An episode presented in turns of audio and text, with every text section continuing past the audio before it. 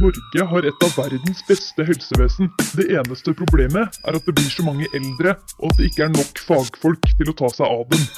Egentlig så har vi ganske mange helsepersonell i Norge, men et av problemene er at mange slutter etter ti år i yrket. Så da spør jeg dere politikere, hva har dere egentlig tenkt til å gjøre?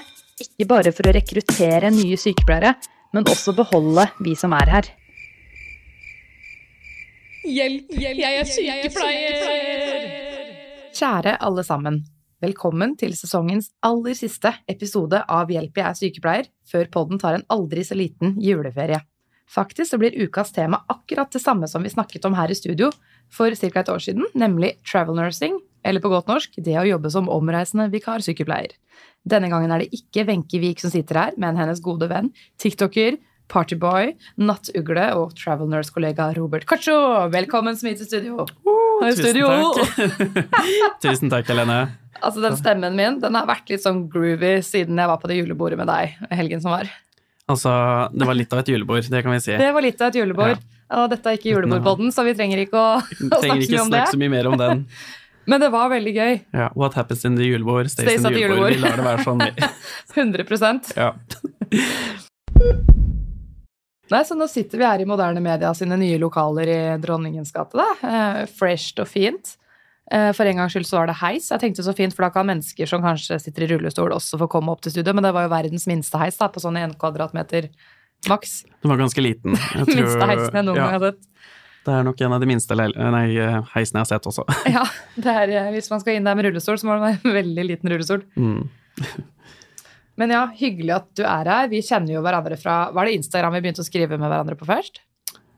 Det var det. Jeg tror vi faktisk møttes på Helsebrølet. Det var Gjorde vi? Og Ja. da var jeg så distrahert. Ja. Det var så masse inntrykk at jeg fikk tror, ikke ja, vi, det Var var det første det? gang Så koselig. Ja, jeg var, jeg var der Du faktisk. var ja. der, så bra! Ja, men da, herregud, nå Det høres jo litt overlegen ut, men da, nei. Nei, men jeg, var jeg var der var der. faktisk. Ja. Men det, det var vel der jeg så deg først, og så tror jeg vi veksla meldinger på Instagram, som du sier. Ja. Mhm. For Jeg får ofte spørsmål sånn Helene, hvordan finner du alle disse folka? Jeg bare, nei, det er Instagram, det er sosiale medier. Det er, Ja. det er der man er, da. Det er liksom Kanskje man noe, møtes IRL. ikke noe Tinder for helsepersonell, eller sånn der vennskapelig. Du, det, det fins faktisk en sånn app i, fall i statene, som er litt sånn Tinder bare for å få venner. Så man sveiper seg rundt og får venner. Så ei venninne av meg som bor i USA, fikk en god venninne der. Ja. Men jeg lurer på, blir man like overfladisk? da? Bare sånn, nei, det er ikke pen nok til å være vennen min. Det, ja, herregud, det hadde vært litt uh, trist, det. Det hadde jeg ikke håpa på at uh, de skulle ha som kriterier. Da, sånn utseende og ja. Utseende for venner. Ja. Uff, nei, det er superficial. Men ja, vi har jo prøvd å forberede oss til den poden her. Det er jo ikke så mange dager siden vi fant ut at vi skulle spille inn, så vi har jo hatt lange samtaler midt på natta, men da snakket vi egentlig om alt mulig annet enn eh, en pod. Det gjorde vi. Vi snakka Ja. jo om Viktigheten av hygiene, blant annet. Ja, vet du Ja. hva? Personlig hygiene har så mye å si. Det har veldig mye å si. Ja. Eller så, Så det kan er tips. du dra hjem. Ja. Ja. Har det skjedd? ja. ja. Og så var vi på kafé. Da, da klarte vi å snakke litt mer om på da. Men det. eh, det, mesteparten av forberedelsene til denne innspillingen er egentlig gjort i natt. Så litt trøtt, og du er litt trøtt for du har vært på Ja. nattevakt, men vi skal gjøre så godt vi kan. Mm. Så i motsetning til alle, alle andre episoder hvor Q&A blir sånn hastesak helt på slutten, eller at jeg må dele opp i to episoder, så blir dette på en måte en, en ren Q&A-episode, fordi det har kommet inn var det fem av fire ark med spørsmål til deg, Robert. Og folk har vært ivrige her. Blir ny, ny eksamen, dette her. Ja, ja, ja. Yes. Så jeg deler opp eh, denne i forskjellige bolker. Jeg deler den opp i pengedans. Mm. Hva om jeg blir sykemeldt? Mm. Hjelp, jeg er fersk. Godt og blandet. Negativitet og positivitet. Det liker jeg. Ja. Mm. Men aller først så vil jeg høre litt om deg. Ja. Vil du fortelle lytterne litt om deg selv? Ja. Jeg heter jo da Robert Corcho.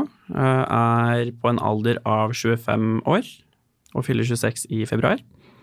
Eh, vokste opp i en liten by som heter Mysen. Eh, flytta vel til Oslo i sammenheng med sykepleierstudier. Tok en Gikk du på Ja. OsloMet? Gikk på Lovisenberg. Lovisenberg. Beste skolen. Ja, jeg hører deg bedre enn Oslo Met. Ja, det er ja. Jeg er i hvert fall den beste skolen. Nei da, ja. Men uh, uh, ja, jeg ble jo sykepleier uh, det er vel tre og et halvt år siden nå. Har faktisk eh, videreutdanning i palliasjon. Du har rukket det allerede, altså. Så Ja, bra. ja, jeg fikk litt sånn interesse for det, for jeg har jobba mye i kommunehelsetjenesten. Jeg starta på helsehus, og så hjemmesykepleien, og så skjønte jeg egentlig at det var en del uh, palliative brukere, eller pasienter, da. Så det var ikke det at jeg ville jobbe spesifikt med den pasientgruppen, men det var bare det at uh, man kunne ikke unngå dem, da. Ja, det var så Eh. mange av dem at du kunne like godt lære deg det Da ordentlig. kunne, ikke sant? Så Ja. det, er- det er noe med å bli trygg i møte med dem, og det er et viktig felt, da. Det, jeg brenner jo litt for den gruppen også, da. Det kan jeg også si, da. Ja. Det er en fordel, da. Mm. Så det er litt sånn kort fortalt om meg, da. Sånn før jeg ble travel nurse, da. Ja. Mm. ja, hvor eh, har du jobbet da? Du sier jo kommunehelsetjenesten, men uh... er det mest helsehus og sånt, eller? Det gikk Jeg jobba faktisk her i Oslo, på Solfjøshøgda helsehus, eller tidligere Ryen helsehus. Ja. Eh, og så bytta jeg etter et år på Eller flytta meg til bydel Sagene, hjemmetjenesten der. Og da var det litt sånn spesifikt team innenfor eh, rus og psykiatri, eh, og trivdes egentlig veldig med det. Så det er, det er min erfaring før Før du ble travel nurse? Yes. Ja, og så er du jo på TikTok. Vil du fortelle litt om hva du, hva du driver med der? Du har jo fått en del følgere. Ja, på TikTok da begynte jeg litt sånn med eh, Etter jeg ble travel nurse. eh, for jeg fant ut at det var en del fordeler med eh, dette med å være ja, Eller man kan også kalle det for omreisende sykepleier, eller bemanningssykepleier, eller ja. Vikarsykepleier, reisesykepleier, Altså Ja, kjært barn har mange navn. Yes. Så skjønte jo Eller det var noe jeg ønsket å opplyse mine eh, holdt jeg på å si, medsøstre. Ja. Eh, at det er en del ja, fordeler, da. Som dette med ja, bedre lønn og bedre arbeidsvilkår, da, som vi skal sikkert snakke om en del om. Mm, Det skal vi snakke masse om. Så det er det du bruker kanalen til, da, å opplyse om hva, hva du driver med som uh, vikarsykepleier? Ja, det er vel uh, Målgruppen min er jo helsepersonell. Uh, I første omgang så var det sykepleiere, men nå har jeg sett at det har vekket interesse hos vernepleiere, Mm. helsesekretærer, og så har du jo tikk-tid-meldinger fra leger. Ja, ikke sant. Så um, Ja, for det er annet helsepersonell og sykepleiere som også kan uh, være vikarer, ikke sant? Stemmer. rundt, ja. jeg skjønte at det er, eh, det er behov for vernepleiere også, faktisk. Det er det òg, ja. Travel uh, vernepleier. Jeg vet ikke hva hva, vernepleier hva er på heter det på engelsk? Vern, Vern. Werner. Det er veldig norsk-amerikansk. Hvis det er noen vernepleiere som hører på, som vet hva vernepleier er på engelsk, så send, send det inn. Nå skal jeg åpne TikTok her. Jeg er veldig sjelden på den appen. Jeg har faktisk skrudd av varsler, for jeg syns den er litt sånn masete. Ja. Men nå skal, jeg, nå skal jeg finne deg, og så skal jeg spille av en video. Skal vi se Robert Kortsjå heter du der. Mm. Helsehus Ja, for du, du legger ut filmer om forskjellige arbeidsplasser også? Ja, for jeg har jo, har jo har fått prøvd ut en del forskjellige arbeidsplasser. Her er det Eh, Helsehus CAD, og det er legevakt, og det er Mhm. skjult, skjult kamera er her til og med. Avvik. Det er mye forskjellig ja, jeg tar, jeg tar litt sånn, ja. Det er litt litt humor her også. Det er litt humor også. Ja. Jeg prøver i hvert fall å være morsom, men det funker ikke alltid. Helseministeren, og dette er gøy. Jeg skal, jeg skal spille av en av de. Hvilken er bra å høre på, bare sånn lydmessig? Åh, du, det er um... Det er litt vanskelig å si, altså. Nå, sånn, nå tar du meg litt sånn uh... Dette var ikke planlagt, eller det har vært Nei. en av ideene mine. Jeg har lyst til å spille av en av de for lytterne, bare så de kan høre litt. Eh, Skal vi se her Nå har jeg hatt mye sånn derre um, musikk-TikTok, eller sånn bakgrunnsmusikk, da. Vi kan ta den her, da, for eksempel. Lønnsforhandling, da. Lønnsforhandlinger. Greit. Skal vi se, skal jeg bare få på litt lyd her?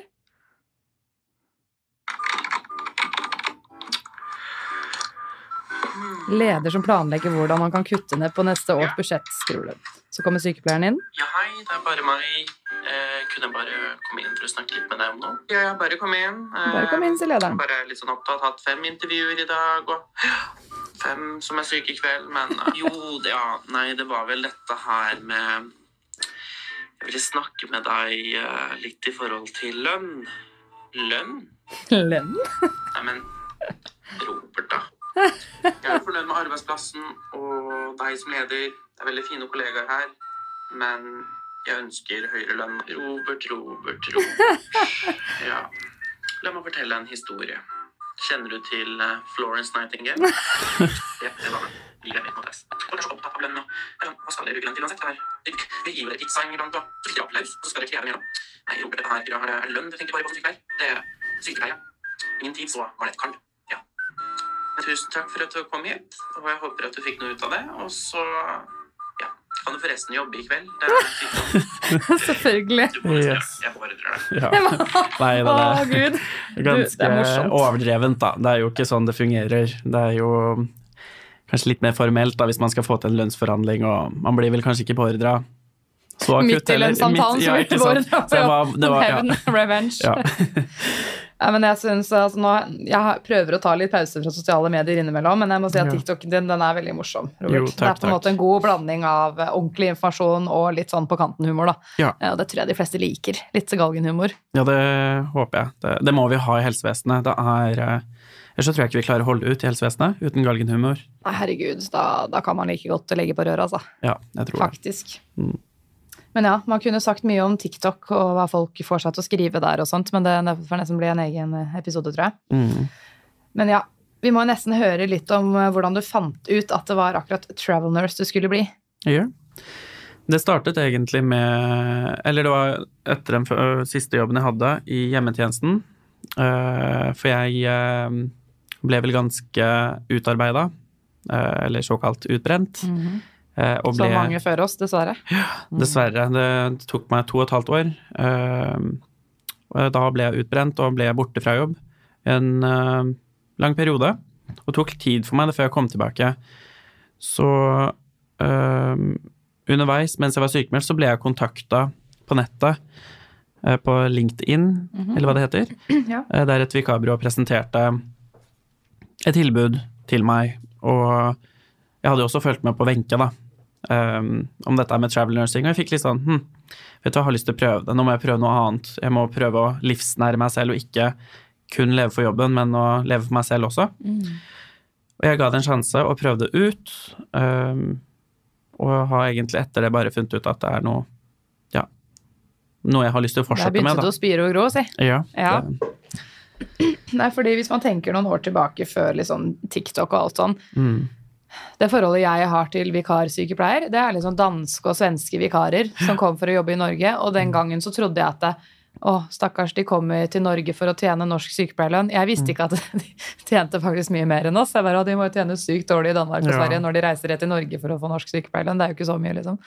De tjener eh, Mange av dem tjener nok godt, altså. Det, Ja. mm, det, Så da skjønte jeg det litt mer, da. Hvorfor de bare slapp alt de hadde i henda i Danmark og Sverige og kom hit. Og så var det sånn, hei, man trenger ikke være svensk eller dansk for å gjøre det, man kan gjøre det som norsk statsborger også. mm, det er jo et marked for oss sykepleiere, og jeg støtter jo alle sykepleiere som egentlig ønsker å eh, holdt jeg på å si, selge seg til den best betalte arbeidssted. Um, Tilbud og etterspørsel, vet du. ja, det er noe Ja. med det, og de har jo skjønt det, så de reiser jo hit uh, for å jobbe. og Men Liv Sverresdatter Larsen sier jo at dette er sykepleiernes marked. Vi Mm. må forhandle vår egen lønn. Altså, sånn har det blitt, fordi det er ingen andre som måte tar den kampen for oss. da. Ja, men jeg er helt enig med henne. Det, det var ikke helt sant, NSF Nei. prøver jo. De prøver jo virkelig, Ja. men, eh, ja. men de har sine begrensninger òg, ikke sant. Mm. Mens vi som enkeltpersoner da har mye mer innflytelse, og vi har mye mer freedom of speech og alt det der. Mm. Ja, skal vi komme oss på denne QDNA, som jeg har kalt den? Questions, Discussions and Answers. Yes. Fordi folk har vært veldig ivrige. Det var liksom ikke bare spørsmål. Når jeg la ut forskjellige spørsmål, så reagerte andre følgerne på det. Herregud, folk kan ikke mene sånne ting. Mm. Og så ble det diskusjoner om det. Det er litt interessant å Ja. diskutere. Det passer jo fint til en, til en podkast. Penger er jo veldig tabubelagt å snakke om uansett yrke. Særlig i dette yrket her, da. Ja, så da tenker jeg at vi går på første bolken pengedans. Mm. Eh, Så da er det noen som skriver Hei, jeg synes det er lite smart at vikarsykepleiere flasher kunstig høye lønninger. Mye kan umulig være sant, ellers så forteller de bare om de månedene med ekstremt mye overtid. Jeg har registrert at det er dette som foregår, og både politikere og sykepleiere hæ? Som er fast ansatt? Forarger. Ja. Forarger, står det. Jeg skjønte ikke helt hva personen mente. Jeg har registrert at dette som forarger både politikere og sykepleiere som er fast ansatt. Jeg tror du er enig, smilefjes. Det skader ikke om du nevner dette i den kommende podkasten.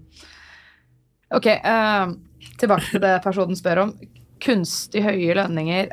Er det sånn at eh, travel nurses som er på TikTok, bare snakker om få episoder hvor det har vært gode lønninger, og ellers så er det ikke så bra? Eller tjener dere alltid så bra? Altså, jeg har, jeg har et ønske egentlig om at flere kan komme ut med sine lønninger, for jeg snakker jo med veldig mange andre travel nurses Ja. eh, som tjener eh, like bra eller bedre som det jeg og egentlig Han henviser jo sikkert til meg og Wenche. Ja. Vi gikk, ikke sant? Um, på TikTok. Det er det er vel dere mange som er størst på TikTok om travel nursing. Og lønn, Right på at vi bare slenger ut. ikke sant? Jeg har Ja. ikke sett så mange andre. Jeg skulle ønske jeg så flere som kunne dele ja, litt mer om dette. For jeg, jeg kjenner meg ikke igjen i den påstanden der. Um, Ja, men det er jo sant. Jeg har jo sett lønnsslippene deres. så, jo, men at den er uh, kunstig høy, eh, og at det er um, preget av mye overtid, det stemmer ikke. Den er preget av god timelønn, gode forhandlinger. Um, ja, det, men det skal vi ta også litt sånn etter hvert. Men det er jo Jeg ønsker jo å opplyse folk eh, om det. Det er ikke for å liksom skryte av det. Eh, det er mer at folk skal få vite mulighetene. At det er, det er, et, det er et marked for sykepleiere, og ja, man må tilby gode vilkår da, for dem. Mm.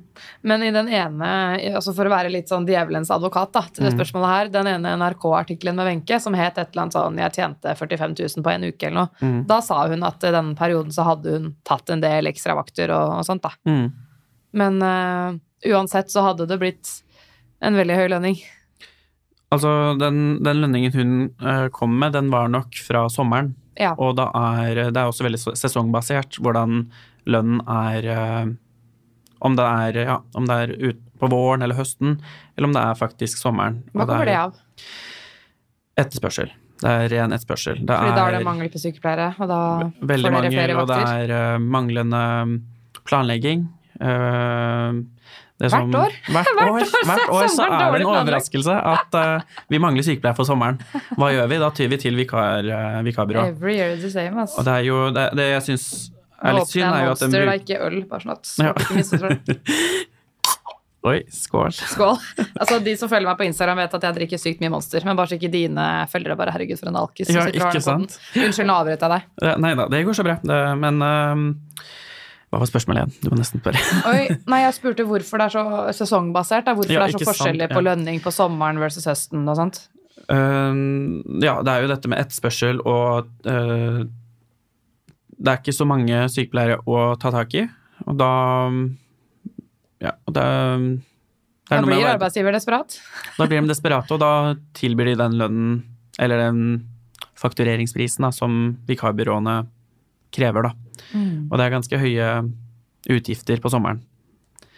Og så kommer det vel litt an på hvordan man har forhandlet seg til høyere lønn selv òg. Det kommer vi jo til, da. Ja, det er jo Jeg kan jo bare slenge på, men sånn rundt sommerstider så er mange vikarbyråer opererer med å tilby 450 kroner i timen. Ja. Og dette her er jo ekskludert feriepenger, eh, tillegg kommer oppå, pensjon, forsikring, boligutgifter kommer oppå. Så det er egentlig mye mer da enn 450 timen hvis man ser Hvis man også, ikke sant, dette er, dette er jo eh, som ja, penger som sykepleieren får. Eh, så er det jo spørsmål om hvor mye vikarbyråene også får, da. Ja, for dette er kun til sykepleieren. Det som Mm. går til vikarbyråene, det er en egen pott igjen. Så Det, det, er eh, det er noen vikarbyråer som er flinkere på å jevne ut kaka, holdt jeg på å si. Sånn, at for jeg lurer på hvor mye de tjener, vikarbyråene.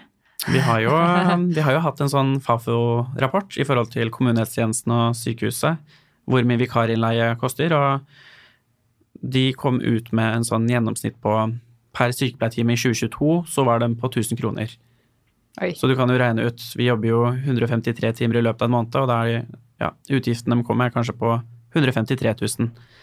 For den 1000 kroner timen, det er når man regner da både det som går til vikarbyrå og det som går til sykepleieren selv. Ikke sant? Ja, nei, jeg, jeg skjønner at dette er dyrt. Jeg, jeg skjønner at det Kjerkol blir litt sånn oi shit. Men Mm. Ikke da må man kanskje kanskje gjøre noe med det grunnleggende problemet, da, som er mangel på helsepersonell, mangel på, på gode arbeidsvilkår. Mm. Det har jeg snakket veldig mye om i den poden her. Vi må nesten gå videre til neste spørsmål. Ja. Skal vi se, ja. Hva er den høyeste månedslønna du har tjent så langt? Uh, Uh, nå kommer det, nå kommer det! 142 000 brutto. 142 000 brutto på en måned, ja. Det er ganske mye, og den lønningen der er jo litt sånn ses- sesongbasert, da. Det er sånn som man får på sommeren? på sommeren. Ja. Mm. Det er ikke typisk jeg får utenom sommeren. Hva er det du pleier å få i månedslønn da, når det ikke er sommer? Det varierer ut fra hvor mye jeg jobber. Jeg, når jeg først er på oppdrag, så foretrekker jeg å jobbe intensivt og en del vakter. Uh, utenom det, når jeg først er tilbake i Oslo, der vi bor, så liker jeg å egentlig ta strøvakter, da. Da liker jeg Litt vakter her og litt vakter der? Ja. Ja. Da, um, og nå jobber jeg jo en del netter også, så det, det hjelper jo litt på. Hva fikk du utbetalt sist, da, for eksempel? Vi, ja, den, er, den har jeg ikke følt meg så veldig på. Vi får jo øh, lønning hver annenhver uke. Ja, hver 14. dag. Hver 14. dag, så det Mm. jeg har ikke regnet på. Men si brutto 50 000 er vel det laveste jeg har fått, da. Det er det laveste du har fått. Ja. Ikke sant. Man kan leve med det. Jeg lever godt med det, Ja. altså. Jeg, lever, jeg, jeg kunne godt jeg, levd med at det var det laveste jeg tjente. Ja. 50 000 i måneden. ok, skal vi se. Hva kan man forvente å tjene som travel nurse, og hvordan er lønnen egentlig i forhold til vanlig tarifflønn for sykepleiere? Dette kan vi gjerne gå i dybden på. ja. Jeg Har du noen jo- tabeller her? Ja, nei, altså vi har jo uh, Vikarbyråene opererer jo litt forskjellig. Mm. De har jo avtaler uh, med storkommunene ofte. En såkalt rammeavtale. Eh, vikarbyråene går i en sånn anbudskonkurranse der hvor de selger seg inn, da. Prøver å være førsteleverandør, da. Det vil si at hvis de blir valgt som leverandør helt på topp, så vil de være førsteprioritet til oppdrag eller ekstravakter. Og hvis ikke de kan dekke det, så går det til neste. Og det baserer seg ofte på Det er en del vilkår, men alt i alt så handler det om en, om en påslagprosent, da. Altså hvor mye de eh, fakturerer for, da. Ofte i disse rammeavtalene så er det vanskelig Eller de som følger rammeavtale, så er det vanskelig å forhandle høyere lønn enn tariff. Så si f.eks. i Oslo eller Bergen eller disse stor, storkommunene. De populære kommunene? Måtte. De har Ja. ofte rammeavtaler, og de tilbyr hovedsakelig tarifflønn. Ja. Men det er mulig å forhandle høyere enn tarifflønn, altså. Det har jeg fått til, så det tenker jeg at det klarer man hvis man forhandler. Mm. Jeg bor i Oslo, så de bruker jo ikke utgifter til f.eks. bolig. Ikke sant? Så da Ja, for da kan du da si hei, siden dere ikke må bruke penger på bolig til meg, så kan dere faktisk eh, sette opp lønna mi litt. Det har dere Ja. råd til. mm. Okay. så det, Men det er jo ikke det snakk om store. De store øh, lønningene dem finner vi i steder som ikke har en rammeavtale. Og da er det vikarbyråer som lager direkte avtaler med øh, byene eller ja, de små kommunene. Så ute i distriktene, da. Hvis Ja. det er der man tar travel nurse-oppdrag, så er det der det er mulig å tjene store penger. Der de sliter skikkelig med å få sykepleiere i arbeid, rett og slett. Stemmer. Fordi ingen vil bo der. Det, det er, Blant annet. Ja, så det er jo noe med det. Så da lager de avtale, og så tilbyr de kvalifiserte helsepersonell, da. Det er jo mm. Men hva er egentlig tarifflønn nå, da? Det, det er jo litt forskjell på om det er i kommunen og spesialisthelsetjenesten ut ifra om det er KS eller Spekter. Mm. Men sånn cirka, da, hva er en vanlig timespris på en sykepleier som er offentlig ansatt? Det varierer jo litt sånn om du er i KS, altså kommunes... eh, La oss ta KS, da. Jeg er flinkere med Oslo kommune, sine, jeg. Bruk Men Oslo kommune, ja, Det er er ikke så store forskjeller. Nei, nei, nei, vi har jo det lønnstrinnet som vi eh, følger her i Oslo kommune, og det er jo ja, ut fra hvilken lønnsramme man har, men man kan eh, lønnes helt opp mot lønnstrinn 43, og den ligger på 358 kroner i timen. Men det er den høyeste? Det er den høyeste. Ja, men så De fleste er jo ikke det, men en nyutdanna sykepleier, da. Det er mange nyutdanna som hører på båten. Hva, hva tjener de? De tjener åh, vet du hva, jeg har Det må jeg nesten søke opp, da, men eh, opp. da gjør vi det. Skal vi se her. Uh, Oslo kommune Lønnstrinn Altså Folk kan også gå på nsf.no og sjekke disse tabellene der. Der står det veldig KS-lønn Det går på årslønn, da. Og det står Spekterlønn for de som er i spesialisthelsetjenesten. Og Oslo kommunelønn står der også. Timesprisen er litt lettere å finne egentlig inne på lønnsslippen sin. Eh, men fant du det? Jeg fant det. Ja, Eh, det laveste lønnstrinnet en ofte får i Oslo, er jo på lønnstrinn 30, som er en eh, årslønn på 535 000. Eh, og den deler man da på antall timer i et årsverk i en 100 %-stilling, som er 1846 timer. Som tilsvarer da en timelønn på 289,8 kroner i timen. Ja, så i underkant av 300 kroner timen da, er liksom en vanlig sykepleiertimespris hvis man ikke har så mange års erfaring I Oslo kommune. i Oslo kommune. Ja. Og så er det små variabler, da. Noen Mm. steder er det mindre, noen steder er det kanskje mer. Mm. Men det er sånn ca. 300 kroners timen pris Ja. man går på her, og det er da utenom eh, Holdt jeg på å si innskudd. det er feil. Ja, Utenom eh, tillegg. Tillegg og feriepenger og alt dette her, da. Så dette kommer jo i tillegg. Ja. Men som travel nurse da, så er det mulig da å få 450 kroner timen og oppover.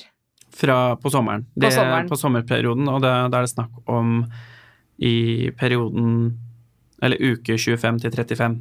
Ja. Det er da fellesferien er, ikke sant? Det er da fast ansatte går ut i ferie.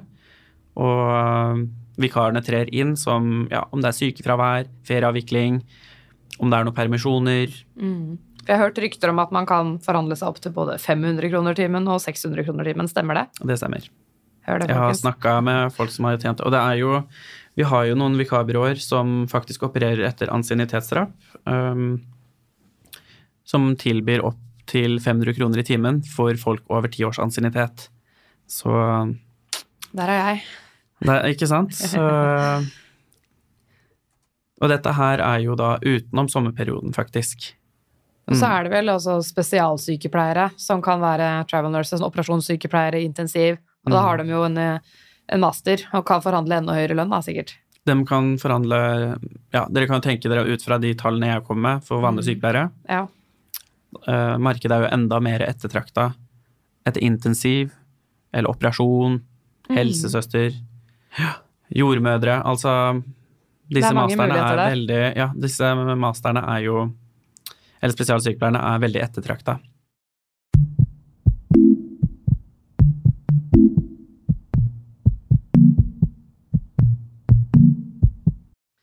Ok, men Robert, hvordan foregår lønnsforhandlingene? Og har du noen tips til sykepleiere som skal forhandle lønn med vikarbyråene slash, arbeidsplassene?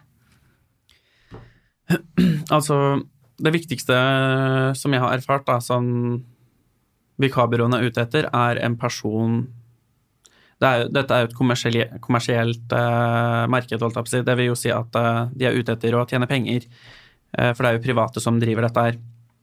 Så det vil jo Du må gi en sikkerhet til eh, vikarbyrå i form av at de skal bli trygge på at de kan tjene penger på deg, da.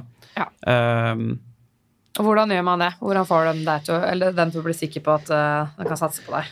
Altså, det er jo litt dette her med Første gangen du jobber for dem, så er det kanskje litt vanskelig å forhandle lønn, men andre gangen, når de ser at oi, dette er en person som tar på seg mye ekstravakter, dette er en person som byr på seg, dette er en person som ikke har noe fravær, ikke sant? Dem Så må jo- vise litt hva du er god for. At du ikke, Ikke bruker egenmelding uh, annenhver uke. Og, Ja, da, da vil de satse på deg.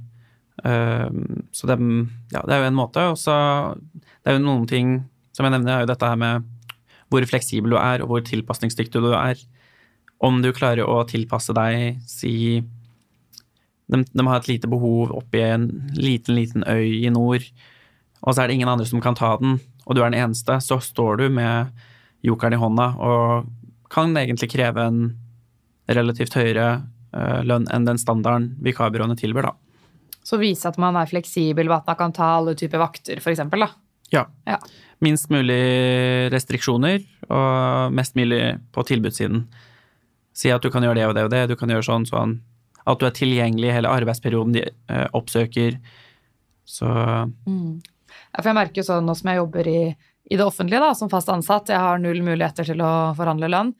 Da er jeg Ja, dritstreng på hvordan jeg vil ha turnusen min. Da er jeg ikke veldig medhjelpelig til å jobbe ubekvemme tider. Det er sånn, nei, Når jeg ikke får forhandle lønn, da skal jeg ha turnusen min så helsefremmende jeg bare kan. ja.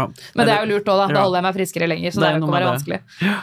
Nei, altså, det er, det er jo veldig synd da at ikke man kan gjøre det i det offentlige. Altså, jeg eh, personlig, jeg kan, jeg kan ikke snakke for andre vikarer, men jeg tror hos andre vikarer uh, hadde vært frista å gå tilbake til det offentlige dersom vilkårene hadde blitt bedre. Så det er veldig synd, da. Altså, men det som jeg ser hos veldig mange, er at de får jobbe med noe de elsker. Jeg elsker i hvert fall jobben min. Og samtidig så får jeg eh, arbeidsvilkår som alle sykepleiere for- øh, fortjener, egentlig. Men hvilke arbeidsvilkår er det egentlig som er så bra? For det høres jo ut som Mm. at man blir kasta ut, og man må liksom vise at man er så flink og jobber ubekvemme tider. eh, Kanskje mye overtid. Eh, Hva er det som er de gode arbeidsvilkårene her, egentlig, bortsett fra at man tjener gode penger? Altså, vi kan jo se i, i Fafo-rapporten som kom ut i forhold til vikarbruken også, så viser det til at uh, 70% av vaktene som lederne dekker med vikarer, det er ugunstige vakter, som er natt, helg, kveld, uh, røde dager, ikke sant? For meg, jeg uh, Det som er kanskje ugunstig for andre, er en ikke ugunstig for meg. Jeg liker å jobbe netter, jeg liker å jobbe kvelder. Og for meg, når jeg først er på oppdrag, så går det fint for meg å jobbe helger også. Uh, Man må være litt typete, da. Man må like å jobbe. Man vil ikke jobbe. Ja. Så, så, ikke sant, det er jo dette med arbeidsvilkårene. Jeg tror noen ville jo sett på det som en ulempe, men for meg så ser jeg jo på det som en fordel. Det Så har vi jo også Ja, Det virker som at eh, de gode lønningene automatisk får arbeidsvilkårene til å bli bedre, da, for da blir på en måte innsatsen verdt det ut ifra belønningen. For det er jo Mm. ofte det rapporter viser for sykepleiere i det offentlige, at det er så lav belønning versus innsats at du Ja. sliter på, men når du vet at det her blir jeg faktisk belønna for, Mm. så føles det automatisk bedre òg. Er det litt sånn?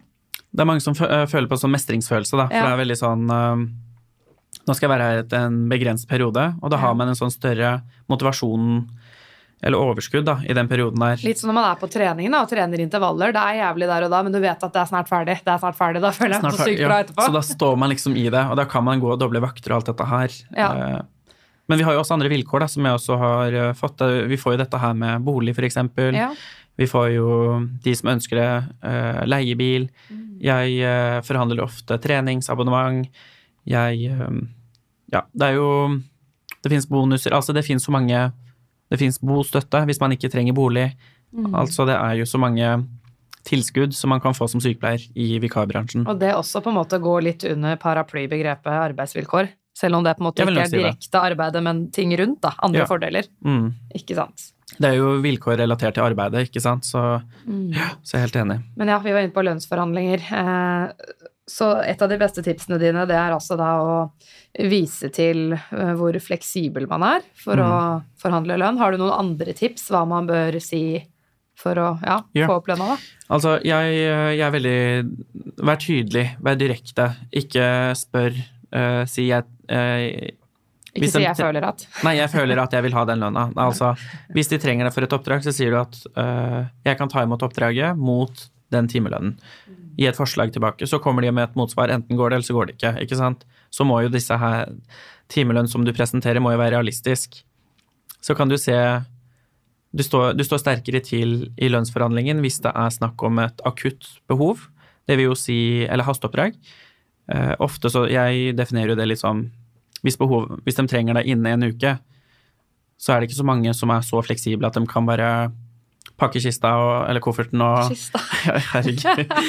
Eh, Pakke kofferten og bare ta fly, første fly til nord, ikke sant? Så det er, det er dette her med tilgjengeligheten er noe de setter veldig pris på.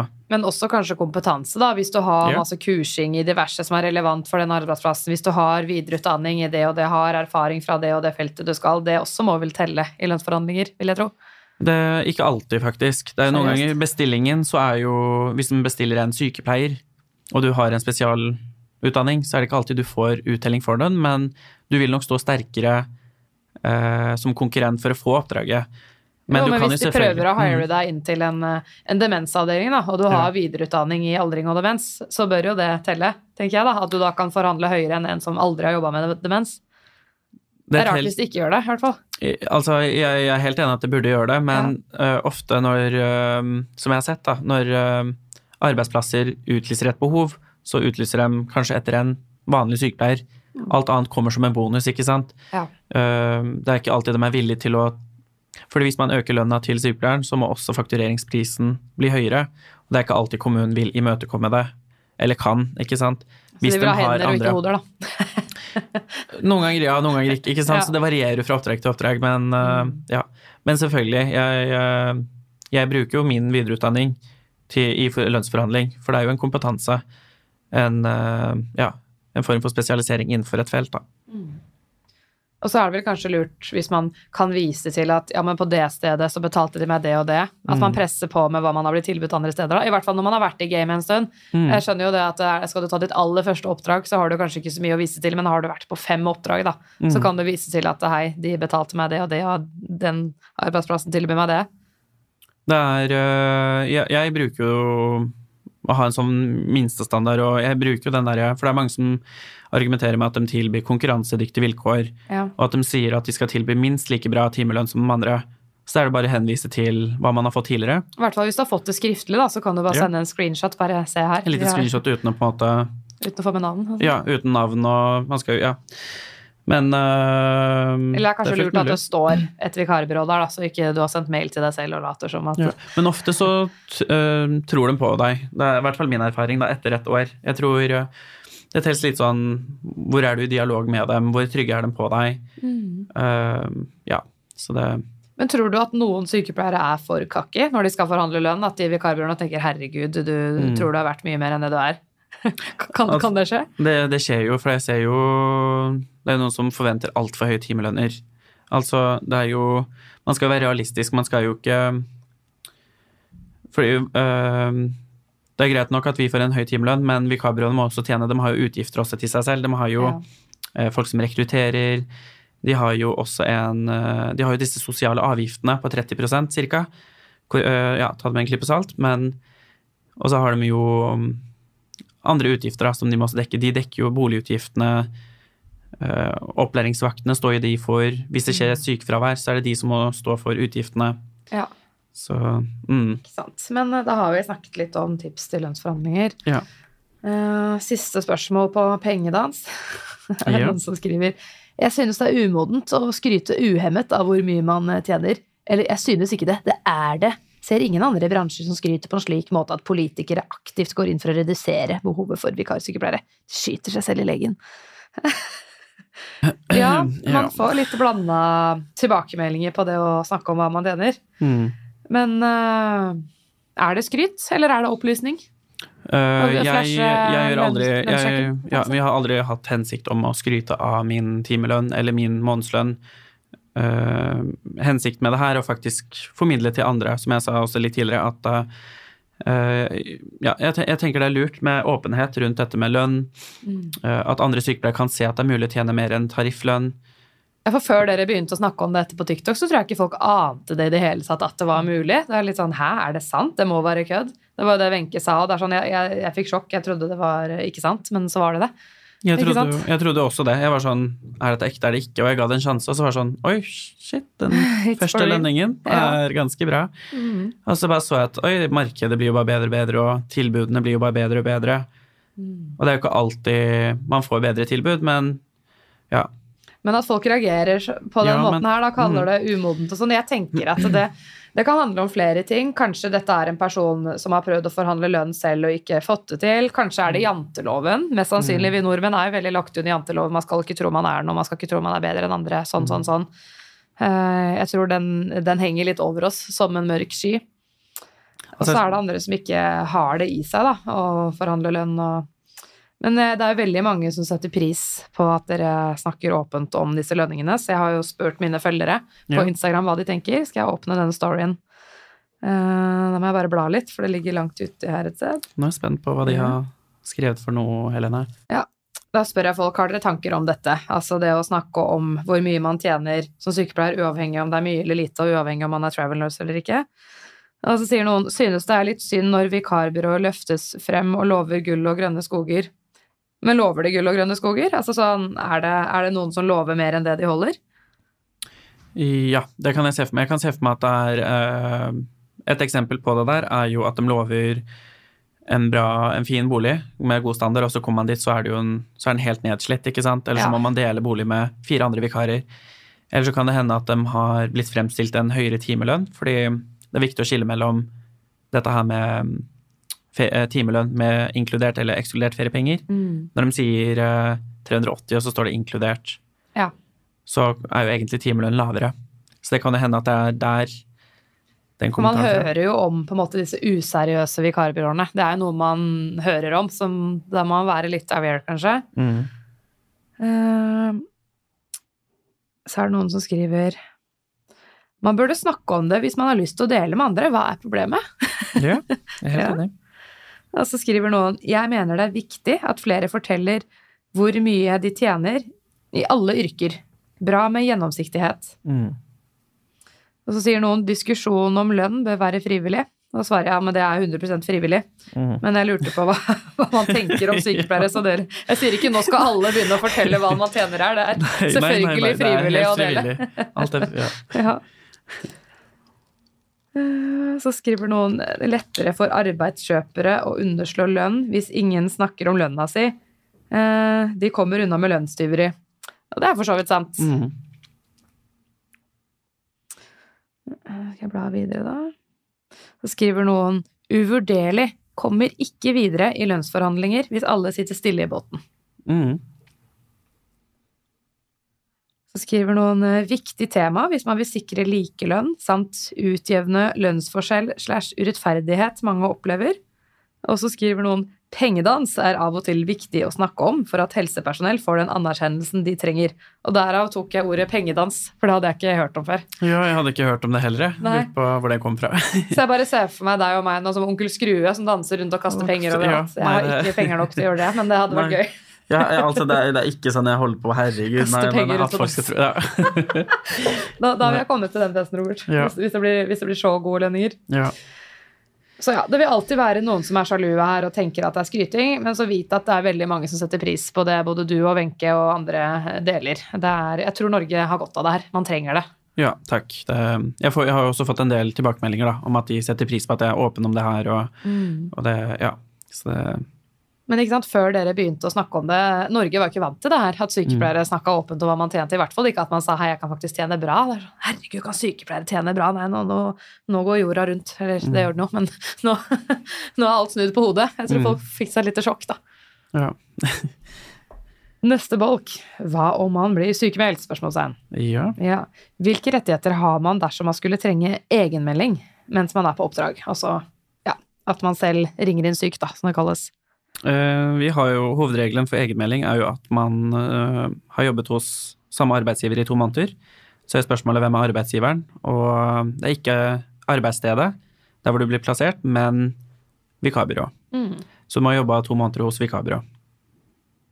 Så det er en sånn uh, opptjeningstid, da. Det er det. To det er det også i det altså. offentlige. Mm. Ja. Hvilke rettigheter har man dersom man skulle trenge sykemelding mens man er på oppdrag? Eh, de første fire ukene så eh, Det som er greia med eh, retten til sykemelding, eh, det krever at du har stått i fire ukers sammenhengende arbeid. Og arbeidet skal jo være pensjonsgivende også, da, og det er det jo. Eh, så det er jo dette her med Ja, regelen er jo etter fire uker så kan du ta sykemelding og få sykepenger, da. Sant? Hvis du blir syk før det Før det, så, altså Det er jo dette her med um, Hva skjer før det, da? Ikke sant? Ja. Nei, da, Da får man ikke penger, da, rett og slett. da får man ikke penger. Nei, men da kan man kan søke kompensasjon eh, hos Nav gjennom dagpenger, eksempel, da. Ja. Så det mm, ja. Og så er det det siste spørsmålet rundt det her, da, som jeg tror kanskje mange lurer på. Hva skjer dersom man som vikarsykepleier blir sykemeldt over lengre tid, altså utover tiden der man har fått oppdrag skjærs vakter via vikarbyrå? Eksempel, du har fått oppdrag for to måneder, men så blir du sykemeldt i fire måneder. Det kan jo være bilulykke, smittsom sykdom som gjør at du ikke kan jobbe, MRSA, eller ja, graviditet, da, som plutselig kan skje, som man kan bli dårlig av, eller andre store helseutfordringer. Hvilke rettigheter har man da for å få økonomisk bistand? Det er jo ganske kompleks, vanskelig spørsmål, dette her. Det er da alle sier 'snakk med Nav', og det har jeg Ja. gjort. Du. Så jeg, jeg ringte Nav jeg, i Ja. går og bare 'hei, jeg driver og lager podkast om Ja. eh, travel nursing'. Og så er det mange som lurer på hva gjør man egentlig hvis man blir sykemeldt over lang tid. De bare 'oi, ja, det var et godt spørsmål', liksom. ja, ja. Og så sa de 'du kan sende oss en mail'. Jeg bare 'kan jeg det?' Ok, så jeg ble satt over til riktig instans. Det var sånn publikumstelefon. Jeg snakka med en kjempehyggelig dame. Hun bare ja, men det kan ta litt tid å få svar på. Du vet, vi er, vi er jo Nav, det tar jo tid. Jeg bare ja, Så da fikk vi oss en god latter. Men du sa vi skal prioritere å svare på mailen din. Å, Eh, Så det var gøy. Så jeg sendte jo akkurat det spørsmålet der, da. Så fikk jeg svar i dag. ja.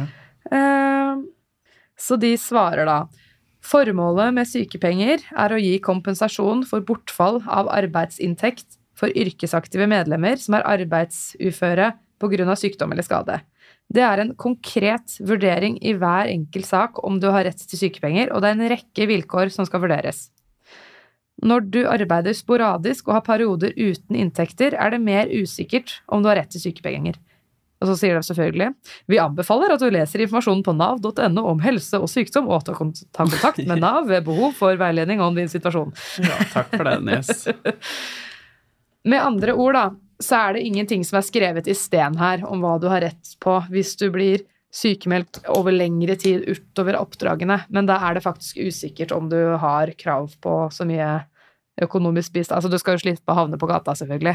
Ja. Men uh, ja, det er lurt å det er lurt å ha en god helse, eller? Hvis man skal Jeg jobbe som travel altså. nurse. Jeg tror eh, det er nok flere ting enn det, altså. Ja. Eh, Men eh, først og fremst skal ha en god helse, for det krever både fysisk og mentalt. Ja. At du ikke eh, er i posisjon da, til å Eller at du ikke er sårbar til å bli syk, eller Ja. Du må kunne stå i Ja, det er, det er jo et sjansespill, og du kan jo Mm. stå uten økonomi, ja. og eh, ja, det er jo litt synd, Så noen fallgruver her er det, da. Det er det. som travel nurse. Det er det som er så trygt med å være fast ansatt i det offentlige. Man har jo så mye rettigheter, og det er IA-bedrift, og herregud, man trenger jo nesten ikke å være på jobb.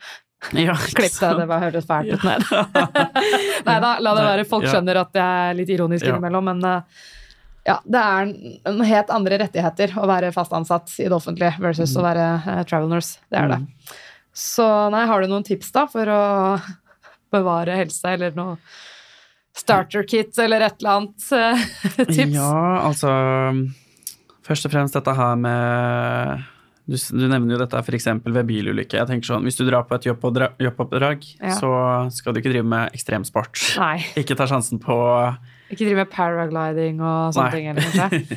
Men man blir kanskje frista av det hvis man blir sendt til et sted som har mye fjell og ja, Ja, står på ski og Nei da, selvfølgelig, man skal ha det gøy. Um, og har du planer om å bli eh, gravid, så anbefaler jeg jo sikkert at, det, at man står i heller en fast stilling. Mm. For å kunne få der, der har man jo mye sterkere rettigheter og Eller bruk prevensjon, da. Kanskje lurt å sette inn en spiral hvis man er kvinne, eller travel nurse-spiral. ja. Kan vikarbyrå dekke spiral, Robert?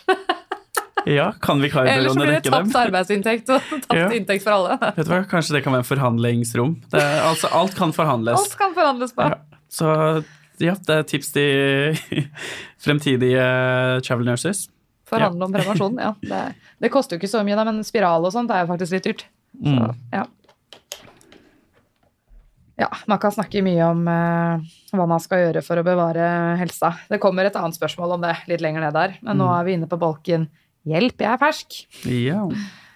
Så da er det noen som eh, spør her. Det har ikke direkte noe med travel nursing å gjøre, men jeg syns den var litt, litt fin likevel, så jeg bare tar den. Det var egentlig et spørsmål til meg, men vi kan diskutere det sammen. Mm. Hei, hei, jeg har et spørsmål og lurer litt på ditt synspunkt. Vi snakket tidligere om man som sykepleierstudent må jobbe på sykehjem som første jobb. Jeg har fått jobb på medisinsk sengepost på et sykehus med helgestilling hver tredje helg. Jeg er veldig glad og tror det vil gi meg mye god læring og at det vil bli en fin jobb. Men fikk litt negative tilbakemeldinger i kollokviegruppa. De mente det var for tidlig å starte å jobbe på sykehus, at vi som førsteårsstudenter var for ukvalifiserte, og at de tidligst kunne vurdert å jobbe på sengepost etter andreåret. Jeg lurte litt på hva dine tanker er. Har ikke vært på første opplæringsvakt ennå, og er naturlig nok veldig nervøs og redd for at det skal bli overveldende, men tror i lengden at det blir skikkelig bra. Ja, hva tenker du? Må man ha sykehjem som første arbeidsplass som sykepleierstudent? Er det skrevet i sten? Nei, jeg tenker du må Det er veldig individuelt, da. Føler du deg klar for å jobbe på sykehus, og du har en stå-på-vilje og er motivert, så skal det gå fint. Det er der det står på. Ja. Mm. Jeg kan jo lese svaret mitt, da, til, Ja. eh, til vedkommende. Ja. Ja. Vi er tilbake. Jeg, jeg finner dessverre ikke den meldingen i innboksen og hva jeg svarte, men eh, jeg husker at jeg svarte noe sånn som at eh, det er ikke noen regel på at man må jobbe på sykehjem først, eh, men det er jo lurt, fordi der lærer man jo basic nursing, som jeg kaller det. Altså stell, mating, leiring av pasienter, eh, den gode samtalen som det dessverre blir mindre tid til, da. Pårørendearbeid, eh, ernæring. Men alt det kan man også jobbe, eller kan man også lære i hjemmesykepleien. Man kan jo også lære det på sykehus. Problemet der er bare at pasienten er der mye kortere tid. Eh, Så man rekker jo ikke å bli kjent med pasienten på samme måten. Men herregud, hvis man er dedikert og man er interessert i faget, man spør, man oppsøker ny kunnskap, ikke går utover eget kompetansefelt, men heller heng, henger seg på andre kjente sykepleiere Mm. og hjelpepleiere for den saks skyld på avdelingen, så er det ikke noe i veien å jobbe på et sykehus som pleieassistent, da, som man gjør i Mm. starten når man er sykepleierstudent. Jeg tenker eh, kjør på, gratulerer med ny jobb, drit Ja. i hva medstudentene dine sier, det kan godt hende de er sjalu. Jeg syns du er tøff som har søkt jobb der, og du har jo fått jobben. Mm. Så da har jo arbeidsgiver gjort en vurdering av at du er kvalifisert. Det er det ikke dine medstudenter som skal gjøre. Mm. Eh, Så klampen i bånn, kjør på. Send meg gjerne en tilbakemelding om hvordan nyjobben går. Ja. Masse lykke til. Og så skriver noen til deg Heia! Sikkert en nordlending. Først og fremst vil jeg takke for all nyttig informasjon du deler om travel nursing både her, på TikTok og på Facebook. Har et spørsmål til den podkasten du skal være med på. Til sommeren er jeg forhåpentligvis nyutdannet sykepleier og har derfor vurdert travel nurse som første yrke. Vi på studiet har absolutt ikke vært gjennom alle prosedyrer ennå, og jeg føler meg heller ikke sikker på alle. Lurer derfor på om det er slik at vi må kunne typ alt før vi kommer ut i arbeid som travel nurse. Er det noen form for relevante prosedyrer? Uh, Og er man mye alene fra starten av? Skjønner at det er mye forskjellig, og at, man ikke, at det sikkert vil variere, uh, men i snitt da, kanskje. På forhånd, tusen takk. Ja. Altså, det som er eh, når man først begynner i vikarbransjen, det er det at man blir kasta ut uten særlig mye opplæringsvakter. Eh, Så det er jo Det forventes jo at du kan litt, men jeg tenker samtidig ah, Du er jo nyutdanna uansett om du er på en offentlig arbeidsplass eller om du er i vikarbransjen. Mm. Det handler litt om hvor Er du en person som spør etter hjelp? Er du en person som er du nysgjerrig på å lære nye ting? Eh, Jeg tror det er veldig individuelt, da. Så eh, av prosedyrer som jeg tenker som grunnleggende som man burde kunne, eller som man kan også lære seg da på oppdrag, eh, det er jo dette her med permanent kateter er sånn typisk. Stomistell, sondernæring. Det kan bli en del intravenøse behandlinger. Særlig hvis man Det å være travel det er ikke bare gul og grønne skoger, liksom. Det er jo, du blir jo sendt til steder der hvor det mangler sykepleiere. Så du Det kan jo hende at du står alene på vakt, så det er litt sånn Er du villig til å stå i det? Så det Det høres jo litt skummelt ut, men jeg kjenner jo flere nyutdanna som har fått det til. Uh, mine beste tips før du ja, blir nyutdanna, det er at du tar til deg all læring på alle praksisene. Uh, kast deg ut i ting. Og hvis du virkelig skal, vil satse for å være traveler, så jobb litt ekstra på Altså, ikke tenk at uh, jeg skal bli utnytta til å jobbe her eller sånn under studietida. Bare ja, sleng deg på og spør etter om å være med på prosedyrer, så du blir trygg på dem, da. Mm. Og jeg tenker det med å hekte seg litt på folk, selv om du er ferdig utdanna, så kan du fortsatt Ok, nå er det en eh, Hvis man er hjemmesykepleier, da, så vet man at en kollega skal til en bruker og legge inn kateter. Spør om du kan bli med. Hvis du har tid, spør kan jeg bli med og se på. Kan jeg bli med og få prøve, og så veileder du meg. Eh, Det holdt jeg på å si blir man aldri for gammel til. Det er bare å henge seg på og få kollegaveiledning. Så er det noen oppslagsverk. Da. Man kan jo bruke VAR Healthcare, det som tidligere het PPS, praktiske prosedyrer for sykepleien. Eh, Det kan man bruke. Og OS sin eh, e-håndbok ligger åpen for alle. Mm. Det er bare å google e-håndbok av OS, så er det masse prosedyrer der. Så ja. Søk opp teorien, men også heng deg på å få praktisk trening. Det var gode tips. Så spør noen bør man droppe travel nursing dersom man er nyutdannet, blir fort stresset og er en veldig usikker person til vanlig. Altså, som jeg nevner, det er jo dette her med Det er veldig individuelt, da. Jeg har jo, jeg har jo sett folk som har jobba i mange år, eh, som jeg ikke kunne tenkt meg kunne jobba som Eller jobba mange år som sykepleier, som jeg ikke kunne tenkt meg kunne jobbe som travel nurse. Men så er det nyutdanna folk som, som får det til, da. Ja. Eh, Så i dette her, det, det er veldig individuelt, da. Det er, eh, det er veldig sånn Hvilke personlige egenskaper har du? Er du en person som oppsøker ny informasjon? Du, som travel nurse, så i hvert fall det jeg gjør, da jeg, Det er jo ikke alltid Vi får jo ikke alltid eh, Vi får jo kanskje sånn to dagers opplæring, så må vi bare kaste oss ut i ting. Så jeg, jeg driver og oppsøker eh, kunnskap, hvis ikke jeg kan det. Jeg leser litt sånn tidsskrifter i fritiden, så det er mine tips da, som du kan gjøre som nyutdanna. Og dette her med mm, Ja, altså at usikker som person, det, kommer seg. Ja, For her det er liksom ikke spørsmålet bare om det er ok å være nyutdanna, her er det om man i tillegg da blir fort stressa og er veldig usikker person til vanlig. Så der handler det ikke bare om Ja. å være nyutdanna, tror jeg. jeg, jeg tenker jo, hvis det er sånn til vanlig, så tenk, jeg vil jo nok ut fra de egenskapene, eller bare de to der, så ville jeg nok anbefalt at man kanskje starter i en offentlig stilling først, der hvor du har en leder som følger deg tett opp, eh, arbeidskollegaer som Altså, du får en bedre relasjon til arbeidsstedet hvis du jobber offentlig. Ja, Og kanskje starte et sted hvor det ikke er full pupp med en gang. Da kanskje ikke starte i et akuttmottak eller et eller annet sted hvor det er veldig hektisk, Mm. men starte et sted hvor det er litt mer sånn lunka. Man skal jo ikke jobbe et sted hvor det er helt dødt heller, da lærer man jo ikke noe. Nei. Men et sted hvor det er eh, Det er jo litt vanskelig å finne, men Ja. hvor det er sånn passe mengde arbeid, da. Mm. Litt sånn urologen, kanskje, der jeg jobber. Ja, ikke sant? Ja, nå skal jeg rekruttere folk der nå. altså, det er, det er gode anbefalinger. Jeg tenker jo også at uh, jeg, jeg personlig starta jo rett i kommunehelsetjenesten, men, uh, men det var fordi jeg var klar for det. Jeg visste jo at man sto mye mer alene i oppgavene også. Eh, men jeg anbefaler jo veldig mange å Det er jo veld, veldig mange nyutdanna som starter på sykehus, og det skjønner jeg godt, for det er mye prosedyrer der. Mm, Og så er det mange flere sykepleiere der, legen er der til enhver tid. Ikke sant? For jeg tror mange misforstår litt og tenker nei, man må starte i kommunen først, for der er det så enkelt. Der er det så lett. Men det er jo ikke helt sånn. Når man ofte da er den eneste sykepleieren på vakt, så er det ingen som kan veilede deg. Det er veldig forskjellig fra kommune til kommune og bydel til bydel hvor mange sykepleiere som er på. Mens på sengeposter og sånt, da, det, jo, det kan være superhektisk der, men der er det som regel flere sykepleiere. Eh, som kan gi deg veiledning. Mm. Jeg tenker jo sånn Om du er ny, det får du ikke gjort noe med annet enn å jobbe i flere år, så er du ikke ny lenger. Ja. Men personlighet, da, om man blir fort stressa og man er veldig usikker Det er ting man kan jobbe med, da. Ja. Man må liksom finne ut hva er det det kommer av. Er det andre ting i privatlivet som man må jobbe med? Handler det om yrket ditt? Eh, Men det er jo mulig å gjøre noe med det. Man Mm. kan bli eh, trygg, man kan bli mindre stressa. Men det virker som det er ting man kanskje bør få litt på plass før man blir vikar, da. Ja. Altså den, øh, jeg kan også si at jeg var veldig stressa og usikker på meg selv sånn på starten, men jeg har lært meg egentlig at det beste er egentlig å spørre andre hvis du er usikker. Eh, ikke gjør alt selv. Nei. Prøv å delegere oppgavene. Prøv å høre om du kan få hjelp, hjelp av andre. Så kan det hjelpe til med stressnivået ditt. da. Og det har ikke noe for seg å gå rundt og stresse heller. Nei. Ta Det er usunt over tid. det er det, og det er, man blir utslitt, som det skjedde jo med meg. Men det, det skyldes jo ikke bare stress, da, det var jo ikke det. Men altså, ta deg Hvis det er mye som skjer på avdelingen og det brenner, gå inn på et eh, pasientrom som er kanskje tomt, og bare ta deg noen minutter og bare trekke igjen pusten.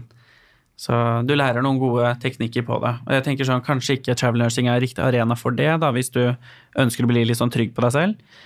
Eh, jeg ville nok anbefalt det offentlige først, da. Ja. I akkurat den casen her. Ja, en fast stilling som man rekker å bli litt godt kjent. Og, for jeg tenker at det er ikke sånn at du ikke kan være sykepleier eller travel nurse hvis du er litt eh, ja, ny og stressa og usikker, men uh, finn deg en arbeidsplass som du trives på.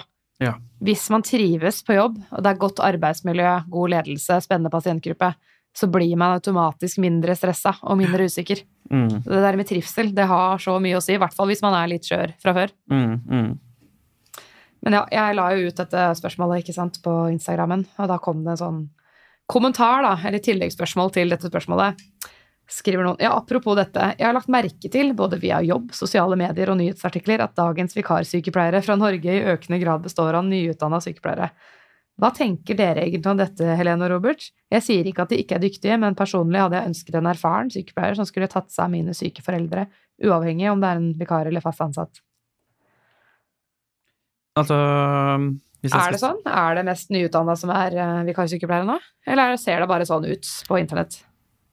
Jeg, de fleste jeg har snakka med, har ganske mange år bak seg. Altså. Dette her, Mange av de vikarsykepleierne jeg har snakka med, har faktisk en eller annen form for spesialisering. Jobba noen år.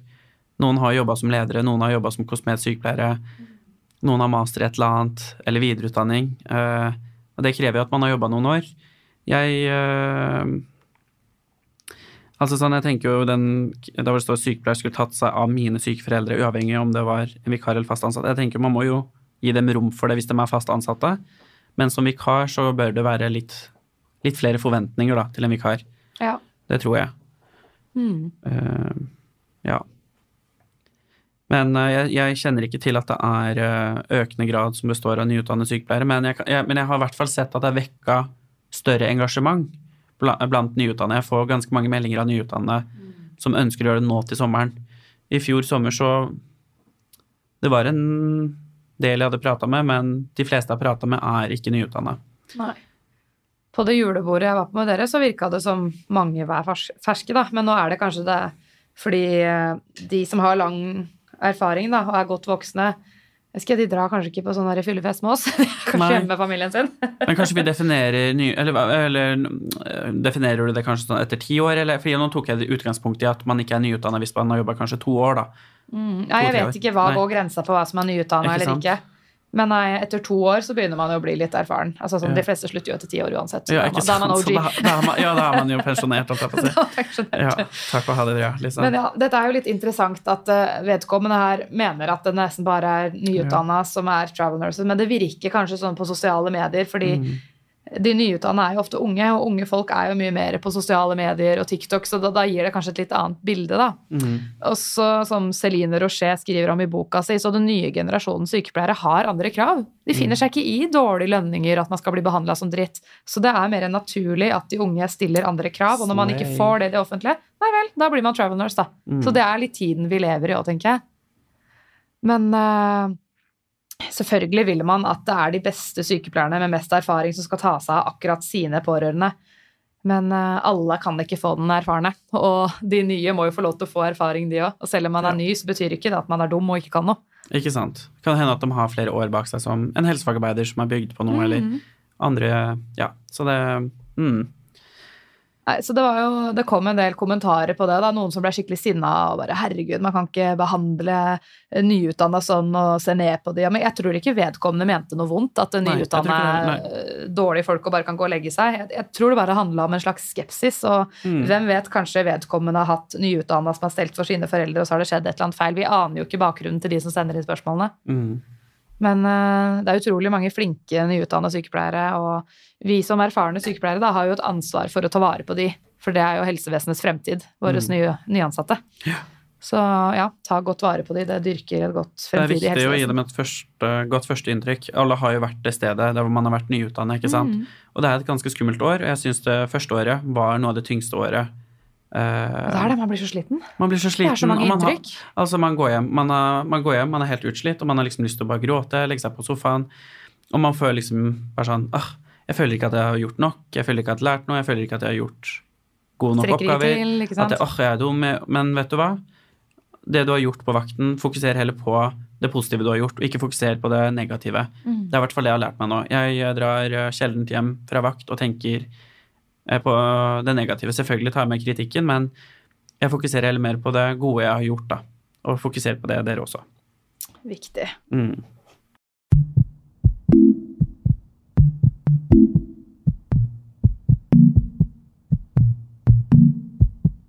Ja, da er vi inne på temaet godt og blanda, som nå kommer litt forskjellig. Ja, det liker vi. Eh, ja, vi begynner å få litt dårlig tid, så vi må Ja. svare litt kort. Hvordan er det med pensjonister og travel nursing? Jeg ser at noen vikarbyråer skriver at de søker pensjonister. Det er veldig Det er behov for pensjonister også i vikarbransjen. Det er eh, Det er jo slik at det har kommet et nytt lovforslag fra nyåret at um, tidligere så kunne sykepleiere jobbe inntil 20 uten at det skulle påvirke pensjonslønna. pensjonerte sykepleiere? Pensjonerte Mm. som har fått får pensjonslønn. At de kunne jobbe inntil 20% uten at det skulle påvirke pensjonslønna. Ja. Men nå det jo et nytt forslag der hvor de skal dra ned til 0% Forslaget skulle egentlig tre i kraft fra 1. januar, men altså, den har blitt før så kunne man jobbe inntil 20 stilling uten at man da fikk trekk i pensjonen. i det offentlige. Ja, Så dette er en dårligere lov, det er det mange som mener. Det er det som er Ja. Så ja. jobber man i vikarbransjen, altså de private, så vil ikke det ha påvirkning. Slik jeg har forstått det. Ikke sant? Så håper jeg Ja, hvis jeg sier feil, så må noen korrigere meg. Mm. Ja, så det er kanskje derfor de skriver at de søker pensjonister, for de vet at pensjonistene er fly forbanna om dagen. Bare Ja. kom og jobb til oss. Ja, men det er mange dyktige, flinke pensjonerte, så jeg syns 100%. Ja. Men Mm. ikke sant, igjen, det her hadde ikke vært nødvendig hvis det offentlige ikke hadde begynt å endre på lovverket og gjøre folk forbanna. Ja, det Så spør noen hvor lenge har du jobbet som travel nurse? Har du jobbet for flere byråer, og er det noen du vil anbefale? Ja, det var fint. Det tre eh, spørsmål i ett. Ja. Jeg har jo jobbet som travel nurse siden i fjor desember. Ja. Og så har jeg egentlig Så et år, da, cirka. hatt eh, Ja, det er vel et år nå. eh, Og det er vel forhåpentligvis flere år også fremover. Eh, Jeg har vel jobbet for Det er vel for flere vikarbyrå, og forholdt meg også til flere vikarbyrå. Ja. Altså, jeg har dialog med flere, men jeg har ikke jobbet for dem enda. Eh, Er det noen du har vært fornøyd med så langt, da? Altså, jeg kan jo anbefale? Ja, de jeg vil anbefale, sånn som jeg har vært veldig fornøyd med, som tilbyr konkurransedyktige vilkår, er jo det samme som med Wenche også. Det er jo Ja. Work Norway. Ja. Eh, De har jo tilbudt meg relativt bra timelønn, eh, fin bolig, eh, ja, god, ja, god dialog mellom meg og Mm. konsulent. Så er det jo andre vikarbyråer som Bondeliva. eh, de har jeg også jobba for. Og så har vi Nordlysvikar, ganske nytt i markedet. De spesialiserte seg innenfor leger på starten, men har utvikla seg innen sykepleiere og helsefag nå. Det var sånn før sommeren. Og så er det Nordic Nurse, Kooperativ, ja. Så det er vel disse her jeg kommer sånn i farta. Jeg har ikke jobbet for de to siste, men jeg har hatt dialog med dem, og de tilbyr også relativt gode timelønner. Mange av disse her tilbyr jo godt over rammeavtalene som Ja. finnes, da. Mm. Så det, alt er forhandling, da. Det, selv om jeg sier en timelønn nå, så kan man få mer enn det òg, men Og hvis man vil eh, gjøre litt mer research på disse vikarbyråene, Ja. er det mulig å gi en liten shout-out til den Travel Nurse-gruppa på Facebook, kanskje? Ja, kanskje folk skulle melde seg inn på Travel Nurse Norge, som vi har på Facebook. Wenche Wiik har jo laget Facebook-gruppen, eh, og målet er jo å få inn Travel Nurses, da, eller folk som er interessert i det, så vi kan ha en sånn uh, Kan man dele erfaringer på godt Ja. og vondt, ikke sant? Ja. ja. Så jeg anbefaler dere å søke inn der, da, om dere er nyutdanna eller Ja. Travel Nurse Norge på Facebook, folkens. Bare å sende inn en forespørsel. mm, Og hvor mange medlemmer er dere der nå? 6000? 7000? 7005, Det er blitt såpass, faktisk. Ja, det Nå jobber jo ikke alle de som Travel Nurse, da, men det er folk som er interessert og veldig, lurer ja. på ting og sånt. Mm. Ja. Eh, hvordan holde på gode rutiner, slik som trening osv. når man er på oppdrag?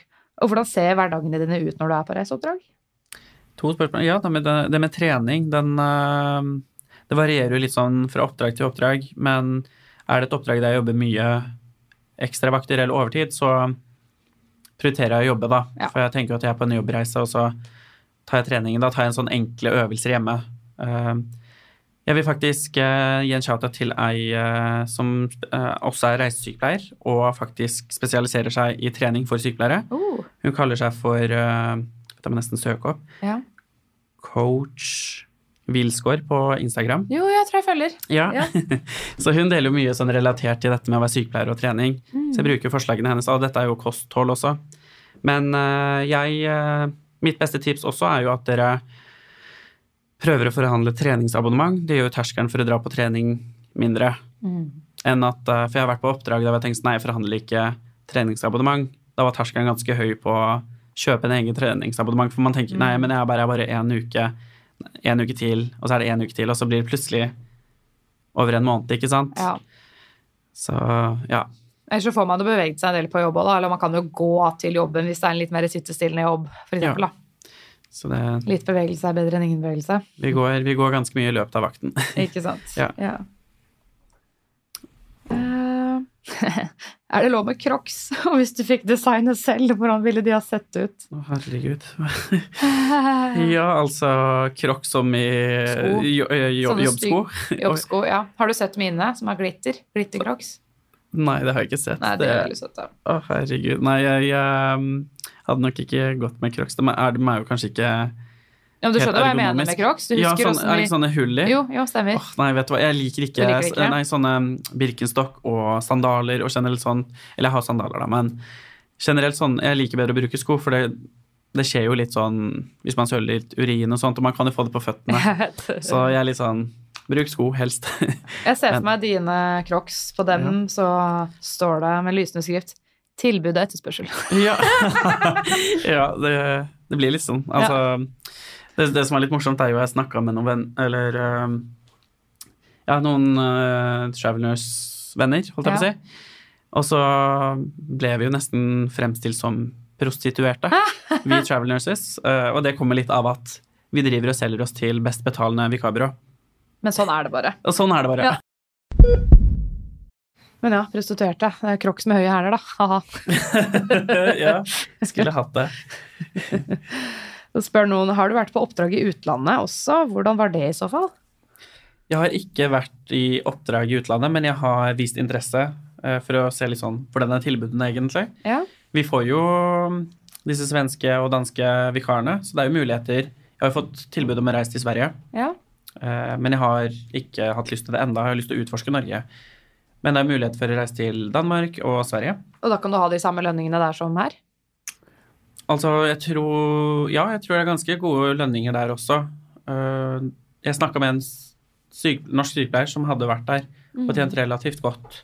Litt sånn tilnærmet det samme, men jeg tror nok de svenske kommer til Norge for en grunn, og jeg tror de tjener jo De fleste tjener nok bedre her i Norge. Ja. Men så har vi jo Vi så jo kanskje en artikkel om dette her med Sveits. Skatteparadiset. Ja, vi skulle nesten lært oss tysk eller Tysk, fransk eller italiensk. Ja, ich Ja. liebe dich. Det er det eneste jeg kan. Ich bin ein en Krankenschwester. Jeg tror vi hadde klart å tjene ganske gode penger bare av å si det. Nei, de har jo en ganske høy eh, minstelønn for nyutdannede der. Mm. Det var jo på 950 000. Og de ønsker jo norske sykepleiere dit. De gjør faktisk det i Sveits. Så Ikke trenger man å betale noe særlig skatt, og ikke var det noe overtilskudd, og det er jo sånne rekrutterere som prøver å få norske La, sykepleiere skatt Ja, nei, det her høres ut som ja, gode Men altså, avtaler. what's Da. the catch, tenker jeg da. Ja, det må jo være et. Men da må Ja. man kanskje flytte. Det er jo Jeg tror utgiftene i seg selv der er jo dyrere, men det er det jo i Norge òg. Men eh, så så er det jo også mulighet til å reise til uh, USA. Ja, Det er jo der det begrepet travel nurse kommer fra. sant. Dem, eh, det som kreves der, er jo at man tar en sånn NCLEX-eksamen. Mhm, Hva er det? Det er jeg å si, det er anatomi, fysiologi, bare multiple choice på engelsk. litt sånn Jeg, jeg har ikke Multiple choice, Jeg er det prøvde å ikke så se på det litt på engelsk. Ja, det, men jeg tror det- ja, de nye anatomi- og fysiologieksamene nå er jo litt mer Det er flere spørsmål nå, faktisk, Ja. i Norge. Men eh, det er muligheter for det. Og så eh, har jeg prøvd å se på muligheter for å reise til Spania. Og så var det jo en Det var noen jeg snakka med, som nevnte at det fins eh, norske helsepersonell der nede. I hvert fall på Granka, si. Ja. Så det er muligheter for det. Da Men jeg trenger har du ikke å si noe annet enn Åla, for det er så mange nordmenn der uansett. ja. Kan du noen uh, flere språk, forresten? Ikke noen av de jeg har nevnt. Jeg kan jo Nei. norsk, og jeg kan engelsk, og jeg kan asyrisk, da. Det er ganske Ja. eldgammelt, da. Men det er ikke noen sånn Ville ikke gjort meg kvalifisert for noen av disse her. Ikke sant. Jeg skulle også ønske at jeg kunne flere språk. Den Ja. skoletysken min er ikke så mye å skryte av. Hvilke språk kan du da, Helene? Nei, da er det jo norsk og engelsk. da. Det høres ut som du kunne tysk, da. Jeg spinner ikke tvers, jeg Helene. Ja, det er litt sånn der enkle, enkle fraser. Ja. Jeg kan bestille kebab på tysk. Ein kebab, bitte. ja. Keine mais. Jeg vil ikke ha mais. Hvilke personlighetstrekk bør en travel nurse ha, og eventuelt ikke ha? Lettere spurt, hvem passer hvem passer ikke til å bli travel nurse? Vi har jo vært litt inne på det allerede. ja øh, Man må være fleksibel, helst ha god helse. Ikke vente barn i nærmeste fremtid. Ikke vente barn, og ikke ha Eller sånn Jeg, jeg personlig syns det er vanskelig nok å dra på oppdrag alene uten barn. Mm. Uten noen form for ansvar da, for foreldre eller ja, sykeforeldre. som Det er ingenting som holder deg tilbake her, og det er fortsatt litt sånn vanskelig å sånn reise. sett. Ja. Altså, det, ja, det høres veldig trist ut. Har jeg liksom noen? Ikke sant? Jeg reiste fra ingenting.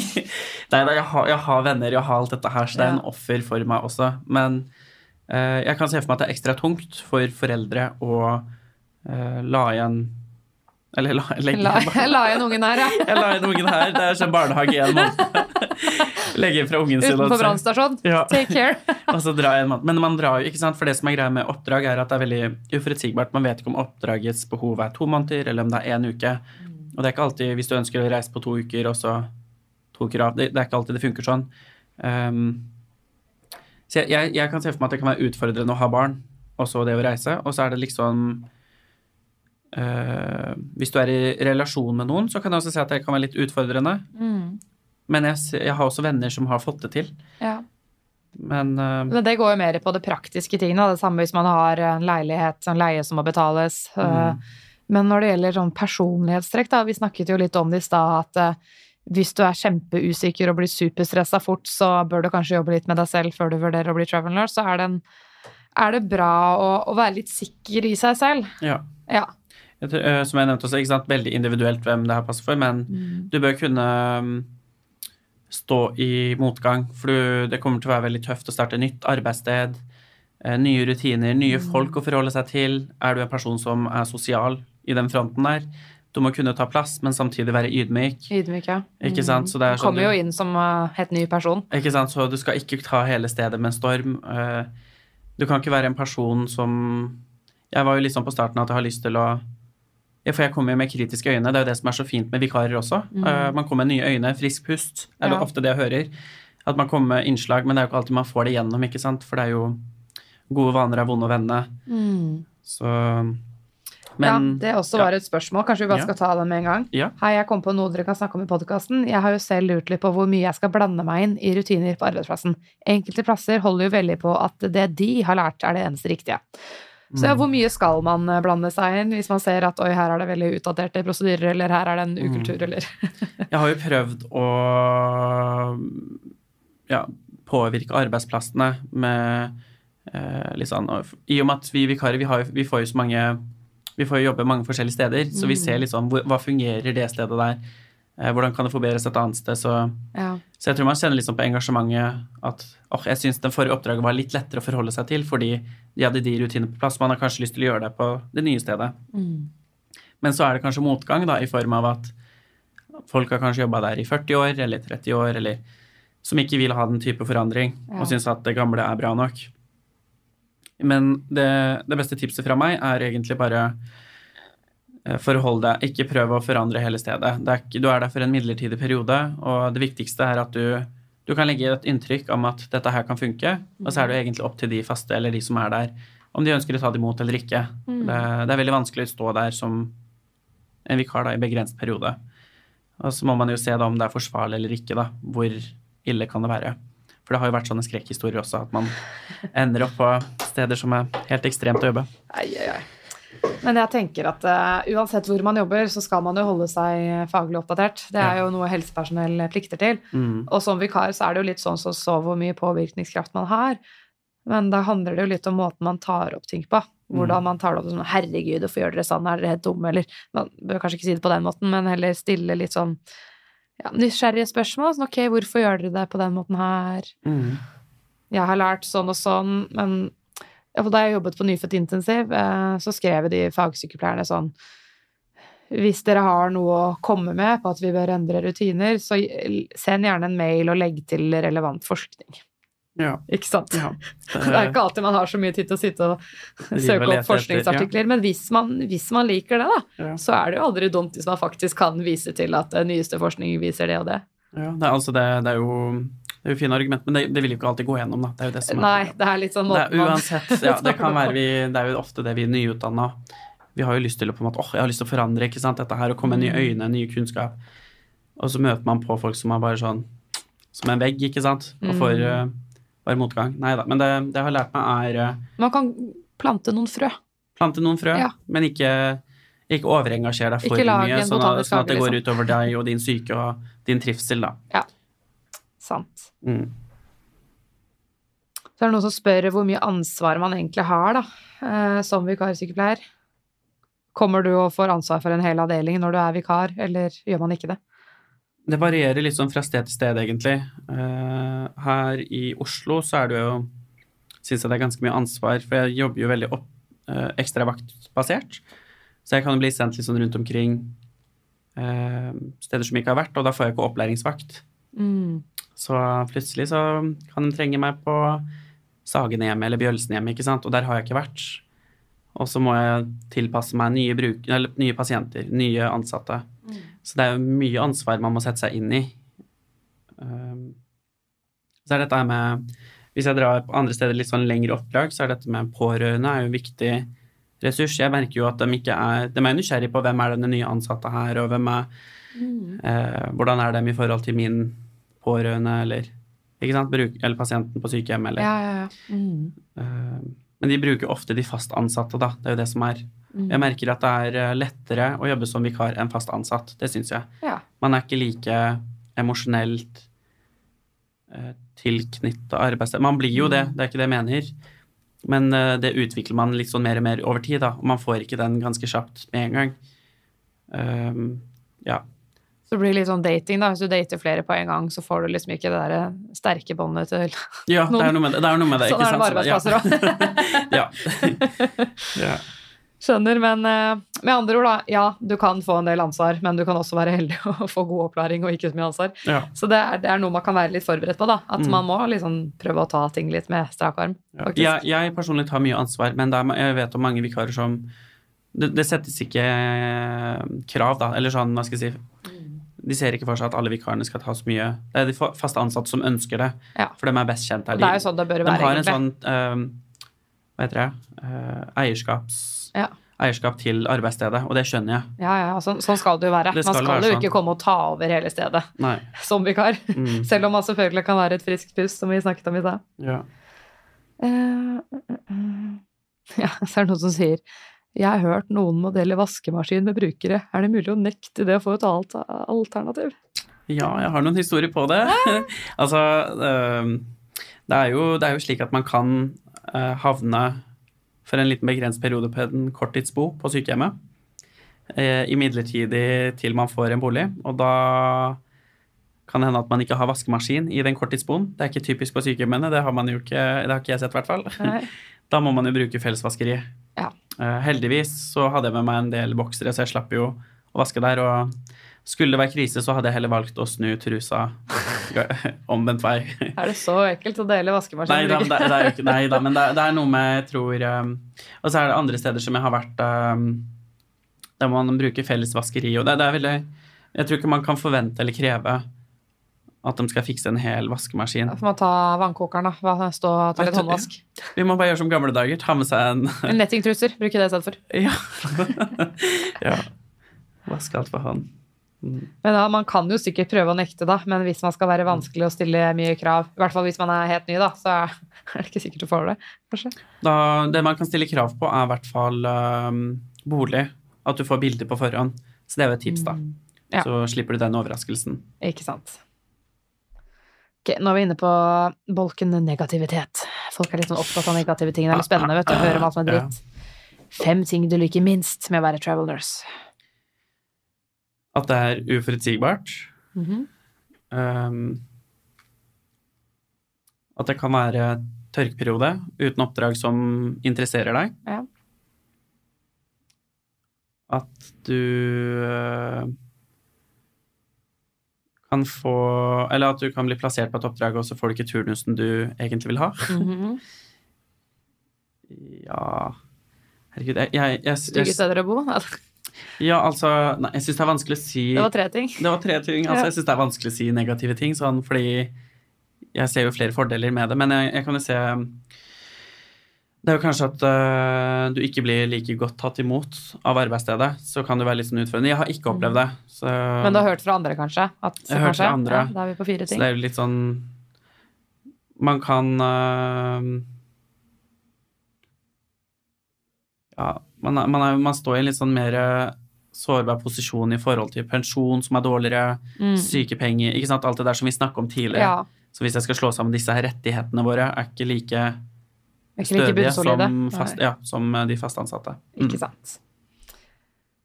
Så spør noen har du noen gang opplevd konflikter på arbeidsplassen med ledelse slash kollegaer. Jeg har ikke noe direkte opplevd noen konflikter, men jeg har vel tatt opp noe avvik på arbeidsplassen, eller sånn forbedringspotensialer, da. Ja. Litt sånn hvis det mangler eh, Men det er av mitt eget engasjement. Ingen har opplevd det som kritikk eller sånn. De syns det er interessant. Men sånn er det jo overalt, da. At det er litt sånn uønska hendelser og Men fint at du tar det opp, da, tenker Ja. jeg. Det er helt innafor. Har du opplevd noe ugreit slash uprofesjonelt fra vikarbyråene da du var ute på oppdrag, eventuelt hva? Uh, ja, man kan jo bli fremstilt falsk timelønn, som jeg har snakket om. Har det skjedd med deg? Det har skjedd at de har prøvd å tilby meg inkludert feriepenger, Ja. men da det mm, gjennomskuer jeg. Eller så kan man bli plassert på en uh, bolig som man ikke forventer. Det um, Nå snakker jeg også litt sånn generelt, som ikke, det har ikke skjedd meg, da. Jeg har vært veldig heldig sånn Mm. sett. Virker litt sånn Airbnb-aktig. Du vet liksom aldri helt om det er Ja, men jeg har hatt det, altså. Jeg har hatt veldig fine boliger. Ja. Det syns jeg er sånn som jeg har hatt, da. Det er den standarden. Mm. Airbnb er jo som regel bra, da. Må velge sånn burde- superbruker. Ja. Eller superhost, heter det. Mm. Ok, da er vi inne på siste bolken, eh, positivitet. Den liker jeg. Hvor er den beste plassen du har jobbet? Åh, jeg har jobba så mange forskjellige arbeidssteder nå. Nå har jeg liksom vært Det siste året her jeg har vært innom uh, Askim helsehus, og der er det jo flere avdelinger. Jeg har vært innom Elverum legevakt, Ja. Røyrvik sykehjemmet, og der er hjemmesykepleien også. Jeg har vært på uh, sykehus her i Oslo, på Lovisenberg, hvor jeg tok en del ekstravakter en liten periode. Gjennom vikarbyrå og Så dette er steder du er fornøyd med? Jeg er jo fornøyd med generelt alle arbeidsplassene. Alle har tatt meg godt imot. eh, Men den jeg skal legge på nummer én, det må nok være Elverum legevakt. Elverum legevakt. faktisk. Ja. Eh, det er fordi de ansatte der hadde tatt meg eh, veldig godt imot, og så fikk jeg veldig sånn følelse av at jeg likte veldig godt akuttmedisin, da. Mm. Nå jobber jeg også i bydel Østensjø. og Jeg trives veldig godt der. De ansatte som er der, er veldig fine. Ja, så må altså. ta en shout-out Ja. til dem, altså. Mm. Bydel Østensjø, natt, eh, nattuglene er eh, superengler, altså. Så en liten shout-out til dem òg. Det er fint å høre. mm.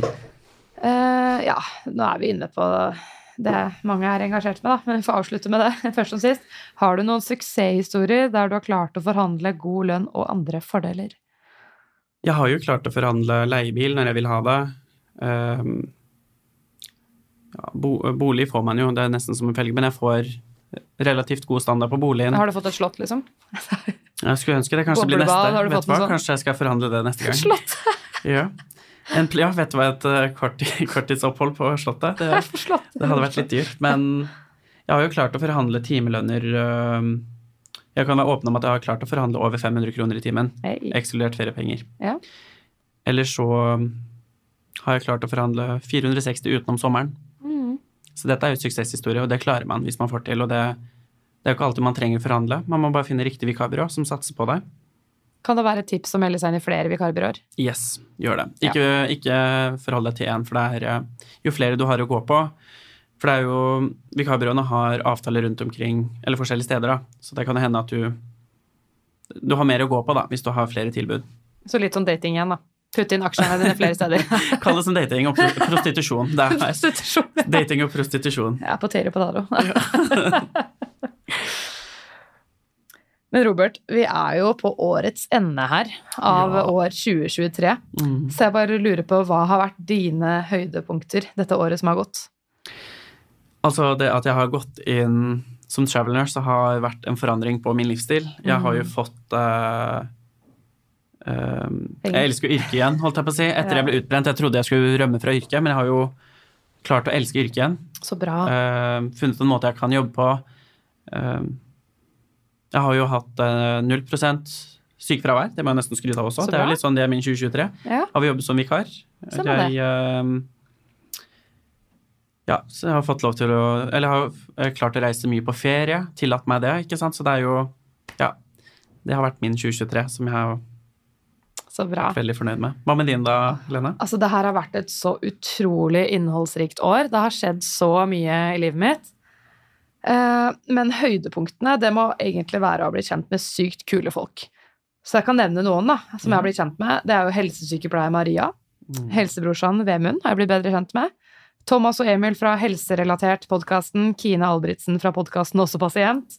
Sykmims har jeg blitt kjent med. Eh, Åsne, som var med på Helsebrølet. Ja, altså, menneskene rundt meg har virkelig vært årets høydepunkt, både i forbindelse med podkast og Helsebrølet og Venners venner jeg har blitt kjent med. Så alle de fine menneskene, egentlig. Mm. Eh, Så tok jo liksom slutten av året en litt sånn brå vending. Jeg har jo flyttet ut fra samboeren min. Så litt sånn hva som skjer der helt sånn endelig, det får jeg finne ut av starten av det nye året. Men nå har jeg faktisk flyttet inn med venninna mi Sigrid, hun som var med i den halloween-episoden. Ja. Så vi har jo bodd sammen før. For eh, tre-fire år siden så bodde vi sammen på Løkka. Nå bor vi sammen igjen eh, på Lille Tøyen i Oslo.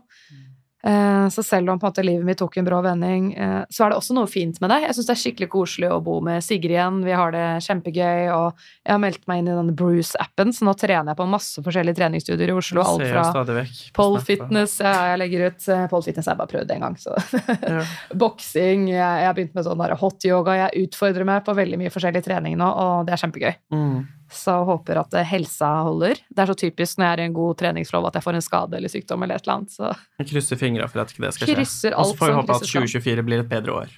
Ja, men 2023 har vært bra, det, altså. 2023 har vært bra. Så Det har vært bra, selv om det skjer dramatiske ting, så er det liksom Det betyr ikke at det er negativt, selv om det skjer store forandringer. Kanskje, kanskje 2024 er året for deg å bli travelers? Uh, ja, nå ser det jo ut som at det kanskje ikke er så mye som holder meg igjen i Oslo, så vi får se. Jeg har jo snust litt på tanken og er faktisk i kontakt med noen vikarbyråer, men så har jeg den faste stillingen på Aker, da. Jeg er litt sånn It's complicated, da. My relationships with work. Ja. Nei, men det er jo noe med trygg, tryggheten og forutsigbarheten også, så det er jo noe med Vil man ofre den for å reise, eller? Ja, for jeg på en en side av meg er veldig sånn klar for eventyr, forandringer, men på den annen side så trenger jeg den tryggheten og stabiliteten. For nå som det har vært så mye forandringer i livet mitt på en gang på slutten, så er liksom det eneste stabile jeg har, er jobben, da. Ja. Så noe kan være litt normalt. Ja. ja.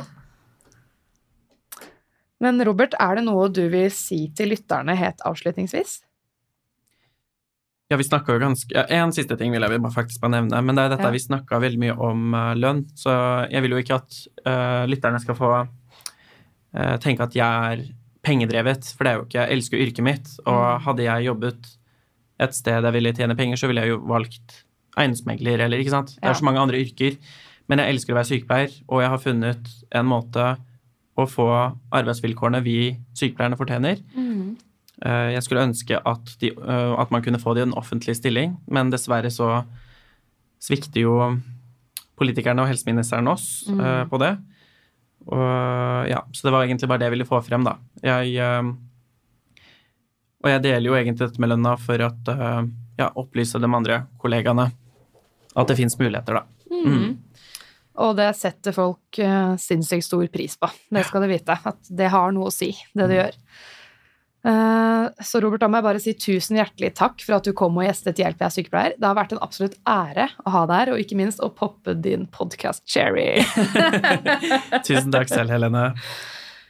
og dere som hører på, takk for at dere har lyttet til Hjelp, jeg er sykepleier eh, gjennom nok en sesong. Jeg setter sykt stor pris på alle som følger meg, lytter til podkasten, deler den videre, og ikke minst gir meg både ros og tilbakemeldinger. Jeg håper dere vil følge meg videre inn i 2024, for sesong seks starter allerede i midten av januar. Oh. Følg gjerne Hjelp jeg er sykepleier på Instagram for endelig release date for ny sesong. Robert, da er det bare én ting å si, og det er god jul og godt nyttår, og stay tuned! Tusen takk. God jul og godt nyttår. Takk for at du hørte på Hjelp, jeg er sykepleier. Hvis du likte episoden, blir jeg veldig glad hvis du vil dele den videre på relevante plattformer. Jeg blir også veldig glad hvis du vil anbefale den videre til venner, kolleger, medstudenter eller andre folk du tror kan få glede av denne podkasten. Hvis du vil få varsling neste gang det slippes en ny episode av Hjelp, jeg er sykepleier, så er det bare å trykke på abonner-knappen her hvor du hører på podkast. Hvis du vil komme med ønsker for podden, eller gi meg tips eller tilbakemeldinger, eller bare følge meg og mitt podkasteventyr, så er du hjertelig velkommen til å følge Hjelp jeg er sykepleier på Instagram. Hjelp jeg er sykepleier er også på Facebook, men det er på Instagram det er desidert mest aktivitet. Der har du også mulighet til å stille spørsmål til Q&A til fremtidige gjester av podden. Du kan også sende meg en mail, og mailadressen til Hjelp jeg er sykepleier står beskrevet i hver episodebeskrivelse.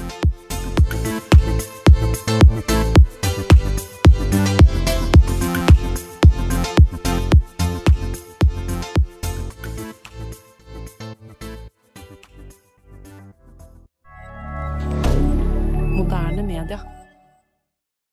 Har du et enkeltpersonforetak eller en liten bedrift?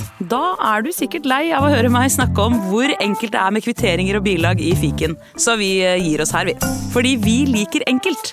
Fiken superenkelt regnskap.